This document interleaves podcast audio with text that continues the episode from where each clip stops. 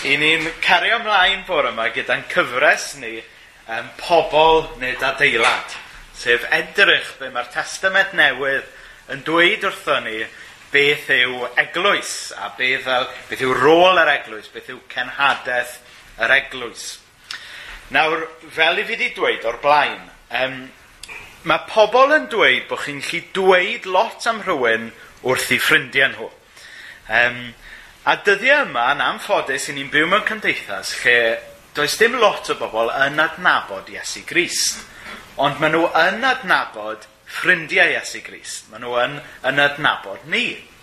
Felly oherwydd hynna, mae yn bwysig iawn bod ni, ffrindiau Iesu Grist, yn treulio amser yn astudio y Testament Newydd a'r Beibl i gyd a gweld wel, be mae e'n olygu i fod yn bobl ddiw, be mae e'n i olygu i fod yn eglwys. Um, achos mae pobl yn edrych arno ni. Hynny yw, ni eisiau pobl wrth gwrs i edrych ar Iesu.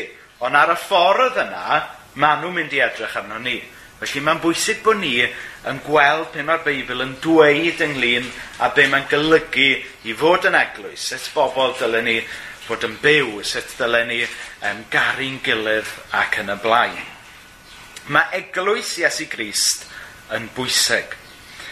Um, am ryw reswm, i ni ddim yn deall, mae Dyw wedi defnyddio pethau ffôl fel fi a chi, chi a fi, i fod yn lys genhadon iddo fe yn y byd.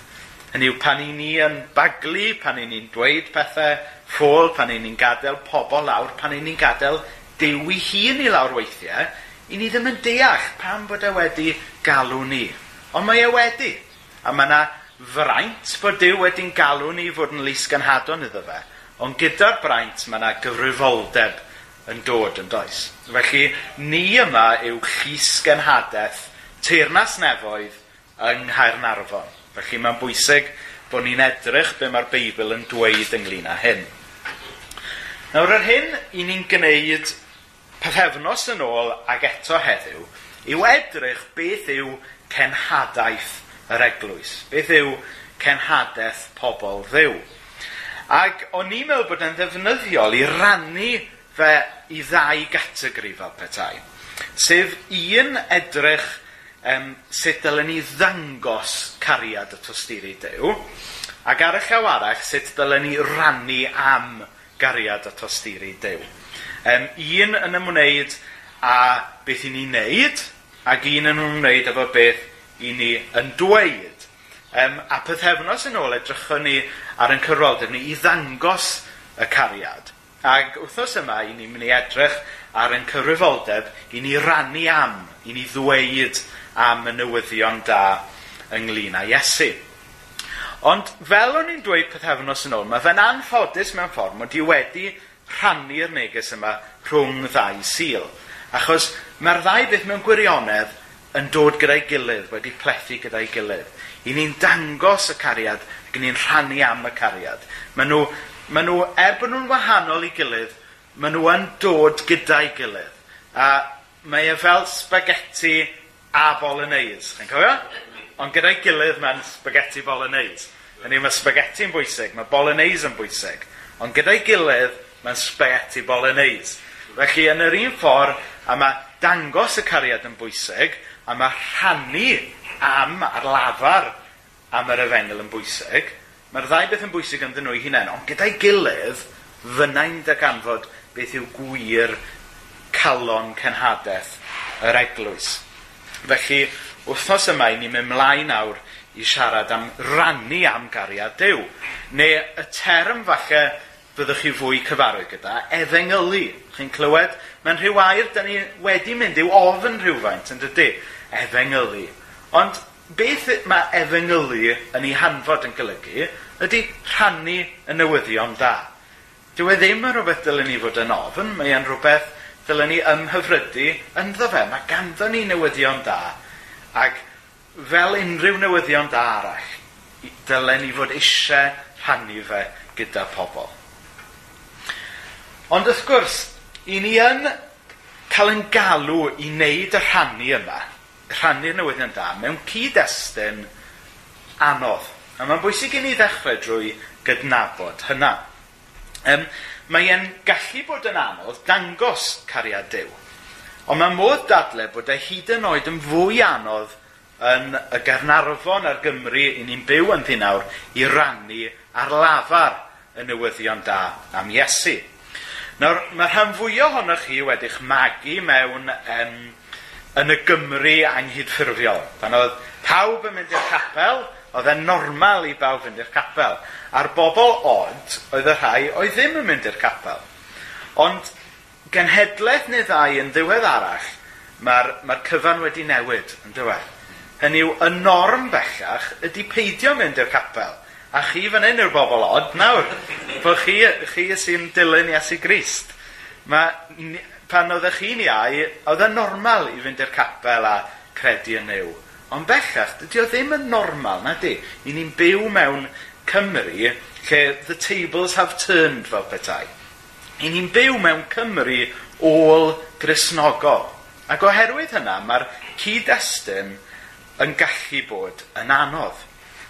Nawr, Pan o'n i yn coleg, o'n i arfer meddwl, um, wel, achos bod ni'n byw mewn Cymru ôl grisnogol, bydde cenhadaeth rhywsut yn haws, chi'n gwybod, achos bod ganddoch chi sieten lan o bapur fel petai. Hynny yw bod, bod dim rhaid i chi frwydro gyda traddodiad bellach a bod chi'n gallu cyrraedd pobl am y tro cyntaf. Ond y peth ydy, mae'r hwch draddodiad crefyddol wedi gadael rhyw geraith ar y Cymru, yn dydy? A mae gan lot o Gymru ragfar nawr yn erbyn y ffydd grisnogol. Chos maen nhw wedi cael rhyw flas o'r grefydd grisnogol, a falle bod y blas yna ddim wedi bod yn flas da, ac oherwydd hynna, maen nhw wedi caledu, maen nhw wedi pechau o ddiwrth bod yn agored i'r newyddion da. Ac um, nes i glywed unwaith rhywun yn cymharu hyn gyda'r broses o gael eich imiwneiddio yn yr ysgol. Chi'n gwybod pan o'ch chi'n fach, oeddech chi'n cael rhyw bigiad, oeddech chi'n chi cael chydig bach o rhyw bacteria er mwyn i chi dyfu rhyw resistance i'w dderbyn e yn llawn fel petai. A mae hwnna dwi'n meddwl yn disgrifio sut mae rhan fwyaf o Gymru. Hynny maen nhw wedi cael rhywfaint o'r ffydd grisnogol a digon ohono fe i, i godi rhegfarnau yn erbyn derbyn y ffydd grisnogol yn llawn fel petai. Um, Mae'r na i ddallan dyfyniad Saesneg gan, gan foi sy'n esbonio fan well na fi. Inoculation introduces a mild form of a disease into a body, thereby stimulating the growth of antibodies and rendering the persons immune to getting a full-blown version of the sickness. In the same way, post Christian society contains unique resistance and antibodies against full blown Christianity. For example, the memory of sustained injustice that flourished under more Christianized Western societies has become an antibody against the gospel. In a society like ours, most people only know of either a very mild, nominal Christianity or a separatist legalistic Christianity. Neither of these, may we say, is the real thing. Chi'n deall beth sydd gyda fi? Niw mae'r holl baggage a'r traddodiad chrysnogol wedi peri lot o Gymru gael rhagfarn yn erbyn y newyddion da. Felly, i ni'n cael yn galw i fod yn genhadon, i ni'n cael yn galw i efengylu mewn cyd-destun anodd. A mae'n bwysig i ni ddechrau drwy sylweddoli hynna, drwy gydnabod hynny. Um, nawr, weithiau, mae ma arwel di rhedeg marathon. Ys unrhyw un arall di rhedeg marathon fan hyn? Na. Da iawn. Wel, pa marathon ys di rhedeg? Yr er Dublin Marathon. Wel, da iawn uh, arwel. Nawr, mae lot o bobl sy'n rhedeg, a nes di orffen ed, dwi'n cymryd. Da iawn, 56 munud llongyfarchiadau. Ond on mae lot o bobl sy'n rhedeg marathons yn methu gorffen y marathon oherwydd bod nhw heb yn gyntaf sylweddoli maint y dasg ac felly paratoi ar ei gyfer e. A dyna pan bod fi wedi dechrau gyda'r gair negyddol yma fel petai. Mae'n bwysig bod ni yn sylweddoli maint y dasg er mwyn i ni baratoi yn iawn iddo fe. Achos os i ni ddim yn llawn werthfawrogi maint y dasg, mae rhywun yn gallu chosgi allan. Mae rhywun yn gallu mynd i siomi. Mae rhywun yn gallu mynd yn rhwystredig. Mae'n bwysig bod ni yn stopio sylweddoli maint y dasg i ni yn ei wynebu er mwyn i ni baratoi yn iawn ac yn fwy o pwysig er mwyn i ni bwyso ar ddew, er mwyn i ni geisio dew mewn gweddi. Os byddwch chi jyst yn troi lan heb baratoi i redeg marathon, elech chi'n unlle. Mae rhaid paratoi yn does. Mae'r un peth yn wir gyda'r genhadaeth grisnogol. Mae rhaid paratoi wrth astudio'r gair, wrth geisio Dyw mewn gweddi, wrth helpu yn gilydd ac yn y blaen. Felly dyna'r pwynt cyntaf, sylweddoli beth yw maint y dasg. Nawr, um, Mae yna ddyfyniad enwog gan Francis of Assisi. A wedodd e fel hyn, mae'n debyg, Preach the gospel always, use words when necessary. Nawr, mae'r dyfyniad yma fel arfer yn cael ei ddefnyddio fel cop-out i siarad ag esbonio yr efengil yn dydy. Um, ond dwi'n meddwl, o'i ddeall e yn ei gyd-destun, mae e'n oce. Okay. Hynny yw, mae yna gyfrifoldeb arno ni ddangos yr efengil yn y ffordd i ni'n byw, ond mae yna adegau hefyd i ni bregethu y gair, i ni esbonio yr efengil ar lafar i bobl. A mae Francis of Assisi yn dweud, when necessary use words. Wel fi'n credu y gallwn ni gydnabod yn y Gymru ni'n byw ar hyn o bryd, bod defnyddio words yn fwy na necessarily. I ni'n byw mewn gwlad, mewn tref, Felly mae pobl angen clywed. Nhw angen clywed ni'n siarad am Iesu Gris. Nhw angen clywed am, am y ddeiant mae Iesu a Dyw wedi i drefnu. Mi oedd Iesu Gris yn treulio amser, uh, gwario amser? Na, treulio amser, gwario arian. Um, oedd Iesu Gris yn treulio amser gyda pobl tlawd. Oedd e'n buddsoddi amser yn eu caru nhw. Ond oedd e'n gwneud hyn i gyd er mwyn cael cyfleon i gyhoeddi y newyddion da ar lafar. Yn, yn, yn Marc 1.14, daeth Iesu i Galilea gan gyhoeddi efengil dew a dweud, y mae'r amser wedi ei gyflawni ac y mae teirnas ddew wedi dod yn agos. Edif ar hewch a chredwch yr efengil. Nawr wrth gwrs, oedd Iesu Grist yn buddsoddi amser ym mhobl, oedd yn gofalu ar ei ôl nhw, oedd e yn eu caru nhw. Ond yr hyn ddath i'w gyflawni yn y diwedd, oedd rhannu y neges yma, bod angen i bobl ddweud sori a derbyn y cariad am y ddeiant oedd Dyw yn ei gynnig. A, a mae yna gyfrifoldeb am ni fyw allan yn ffydd, ond yn y diwedd, mae'n bwysig bod ni'n cofio bod yr yfengel yn neges i'w gyhoeddi, yn wirionedd i'w ddysgu, yn air i'w rannu ac yn stori i'w hadrodd. Wrth gwrs, mae eisiau ni fyw fel Cresnogion, ond yn y diwedd, mae'n ni gofio bod gyda ni neges lafar, bod gyda ni stori i rannu gyda pobl. Nawr, rwy'n gweld lot o'n chi'n nodio'ch pennau, ond y cwestiwn yw, sut ydym ni'n gwneud hyn, ynddo fe? Mae'n hawdd i ni nodio'n pennau hyn mewn theori, ond sut? Nawr, mae'r Beibl fi'n credu yn rhoi lot o, o arweiniad i ni ynglyn â hyn. Nawr, fel wnaethon ni weld pethefnos yn ôl, rhan ohono fe yw bod ni'n byw bywydau o gariad, bod ni'n dangos i'r byd bod ni'n bobl wahanol, bod ni yn caru pobl eraill achos i Iesu yn gyntaf yn caru ni. Ac, a fel yn i'n dweud, mae'n anffodus bod y neges heddiw a'r neges byddewnos yn ôl wedi rhannu dros ddau sil. Chos fi'n credu bod y, bod y ddau beth, yr dangos cariad a rhannu am y cariad, yn gorfod dod law yn llaw gyda'i gilydd. Meddyliwch amdano fe fel rhaff gryf. Nawr, mae rhaff gryf wedi cael ei wneud allan o nifer o raffau llai yn dydy. Um, mae yna dri strand yn gweithio trwy rhaff gryf yn does.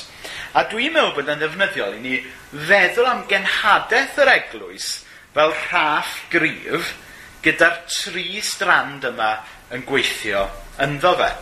Mae rhan o'r genhadaeth yw adeiladu a meithrin perthnasau gyda pobl.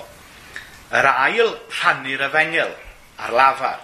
Yn drydydd, cyflwyno pobl i gymdeithas yr efengil, cyflwyno pobl um, i'r eglwys.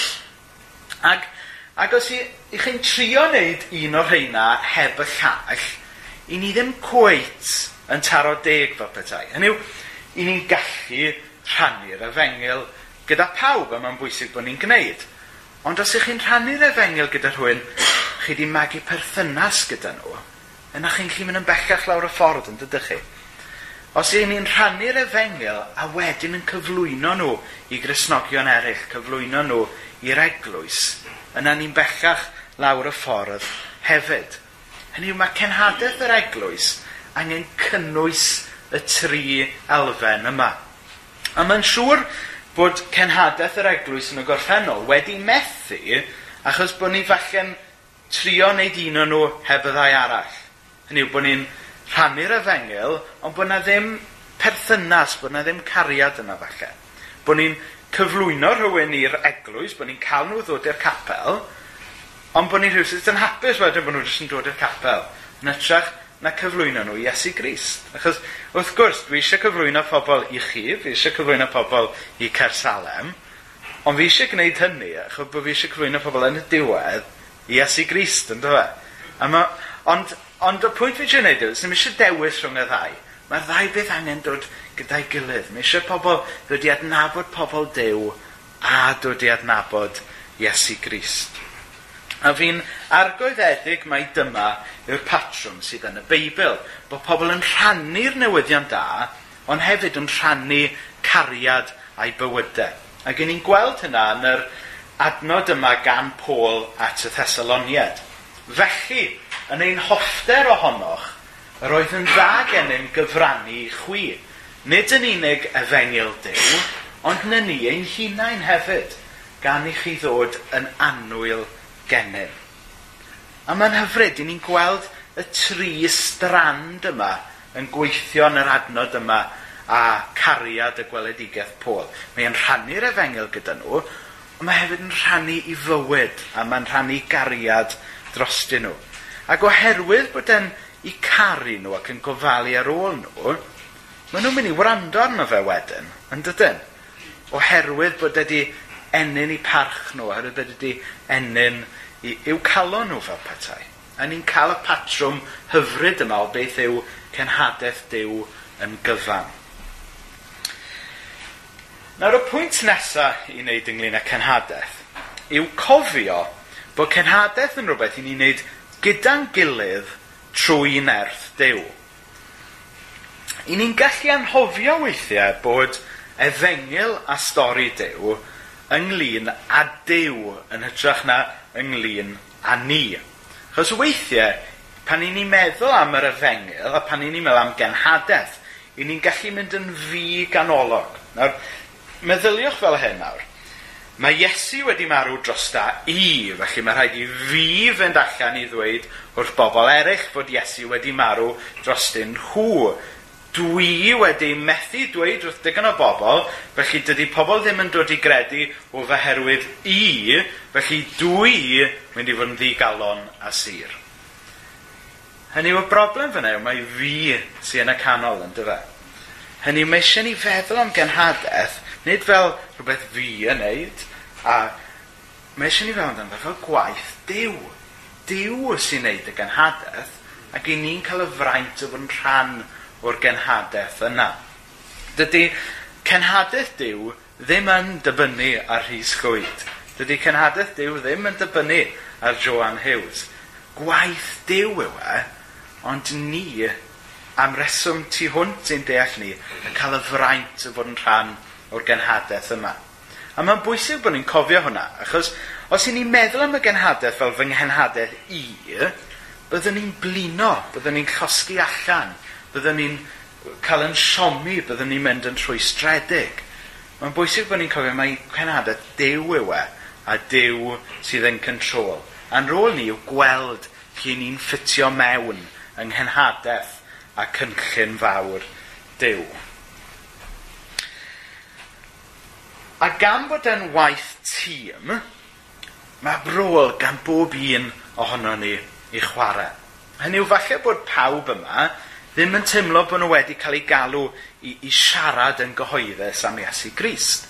A, a dydy pawb ddim yn, yn wedi cael ei ddonio ar gyfer hynna. Ond peidiwch â meddwl bod chi off yr hook. Achos mae cenhadaeth yr eglwys yn rhywbeth mae pawb a rhyw rôl i chwarae ynddo fe. Nawr, um, mae yna rai pobl yn cael ei galw i siarad yn gyhoeddus am Iesu Grist. Mae yna rai pobl yn cael ei galw i ofalu ar ôl pobl a caru pobl er mwyn i'r bobl eraill gael cyfle wedyn i siarad am Iesu Grist. Mae yna rai pobl yn cael eu galw i wneud paneidiau o de. A falle bod y paneidiau o de yna yn rhoi cyfle wedyn i rywun arall rannu am Iesu Grist. Chi'n deall beth da fi? Hynny yw, nid fi, nid Arwel, nid John, nid, nid ni yw'r cenhadon. Cersalem yw'r cenhadwr fan hyn, a ni gyd a'n rôl i chwarae ynddo fe. A mae pob un rôl yn bwysig fel rhan o'r patrwm mawr o rannu am gariad Iesu Grist. A'r pwynt ola dwi eisiau gwneud bore yma yw, um, mae'n bwysig bod ni'n cofio bod pob peth i ni'n gwneud angen cyrchu tuag at y nod o gyflwyno pobl i Iesu Grist. Um, weithiau, i ni'n gallu syrthio i feddwl mai dim ond pregethu yw'r yw'r gwaith ysbrydol fel petai, chybod? A, a, a bod y baned o de neu rhywbeth ddim yn bwysig o'i gymharu. Na, Mae pob peth, mae pob rhan o waith yr eglwys i gyd yn cyrchu tuag at yr un nod, sef cael cyfleon i rannu am gariad a'r maddeiant mae Iesu Grist yn ei gynnig. Mae'n bwysig bod ni'n bod yn fwriadol ym mhopeth i ni'n gwneud. Hynny yw, i ni ddim yn gwneud paneidio de er mwyn gwneud paneidio de. I ni'n gwneud paneidio de er mwyn datblygu'r gymdeithas fan hyn, er mwyn cael mwy o gyfleon i siarad am Iesu Grist. I ni falle yn buddsoddi amser gyda'n ffrindiau, er mwyn cael cyfle i ddangos cariad Iesu Grist iddyn nhw. Hynny yw, mae eisiau ni feddwl am bob peth i ni'n gwneud fel rhan o'n cenhadaeth ni i ddangos a rhannu cariad Iesu Grist. A mae'n bwysig bod ni wir yn gadael i hynna ffiltro trwyddo mewn i'n bywydau ni. Achos mae tuedd gyda fi, fel sawl un ohonoch chi falle, i feddwl am feddwl am yn ffydd ni mewn boxes, chi'n gwybod, bod ni'n mynd i garsalem i fod yn glysnogion, ond wedyn bod pethau eraill yn yn bywydau ni ar wahân fel petai. Na, mae eisiau ni weld pob rhan o'n bywyd ni, fel rhan o'n bywyd ni'n dilyn Iesu Grist, a rhannu cariad a'r maddeiant mae Iesu Grist yn ei gynnig.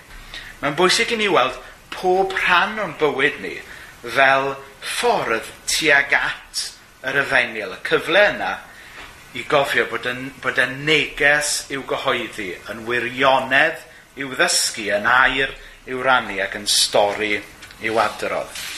Mae'n bwysig bod ni'n gweld holl strands yn bywydau ni fel unigolion a fel eglwys fel chwybrau i arwen at y fan lle ni'n chi dweud Mae Iesu Grist wedi marw dros yn echodau wyt ti hefyd yn ymddiriad yn Iesu Grist.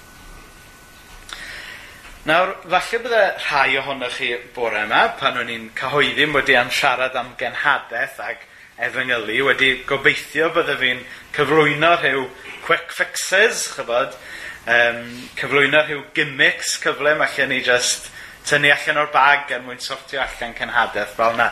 Wel, sori, does dim quick fixes, does dim gimmicks. Mae gyda ni rhywbeth lot gwell na hynna. Mae gyda ni ddiw mawr sy'n ateb gweddia. yna stori ddoniol ynglyn â rhyw boi Bill Hybels sy'n weinidog yn Chicago yn America dwi'n meddwl, a mae'n weinidog ar eglwys enfawr a mae, a mae cenhadaeth nhw wedi tyfu yn aruthrol. Ac oedd e'n siarad mewn, cenhad, mewn cenhadledd i arweinwyr eglwysi yn Llundain chydig wythnosau nhw. Ac oedd yr holl, chyfo, pobl fel fi, wedi mynd yna i glywed beth oedd y trec, beth oedd y gyfrinach i sortio allan cenhadaeth a cael pawb i ddod i'r capel a pawb yn hapus. So, so oedd e'n siarad, fi oedd e'n pregethu am rhyw awr, oedd e'n reit ar y diwedd, oedd e, and this, gentlemen, is the answer This, this is the trick. So, pawb nawr ar, ar flaen i set, lle nodiadau allan yn barod i glywed beth oedd y trec. A'i ateb e oedd all-night prayer meetings and regular fasting. Dyna, dyna oedd ei ateb. Ond chi'n deall beth fi'n dweud? Hynny yw, mae yna raglenni, mae yna bethau dylen ni fod yn trio fel y cwrs alfa ac yn y blaen. A, a gyda llaw dwi, dwi am i ni drio cwrs alfa yn mis Medi fel ffordd o gyflwyno pobl i'r ffydd. Ond y peth pwysica dylen ni wneud yw gweddio ynghylch y pethau yma a tapio mewn fwy i'r gallu mawr yna sydd gyda ni, sef Dyw i hun yn dyfa. Hynny yw, main player Caer Salem yw nid y gweinidog, nid y diaconiad, nid, nid neb yma, ond Dyw Dyna yw, dyna yw'r pwer mawr a'r main player sydd gyda ni yn yn cynhadaeth. Felly does, does dim quick fixes, does dim gimmicks gyda fi rannu, ond yn hytrach fi am yn gadael ni gyda hyn. Pobl gyffredin yn byw bywydau cyffredin gyda'r bwriad o ddangos a rhannu'r newyddion da. Hynny yw bod ni'n gweld gall y peth mwyaf cyffredin fod yn gyfle falle i rannu gyda rhywun am Iesu Grist. Er mwyn i enw. Amen.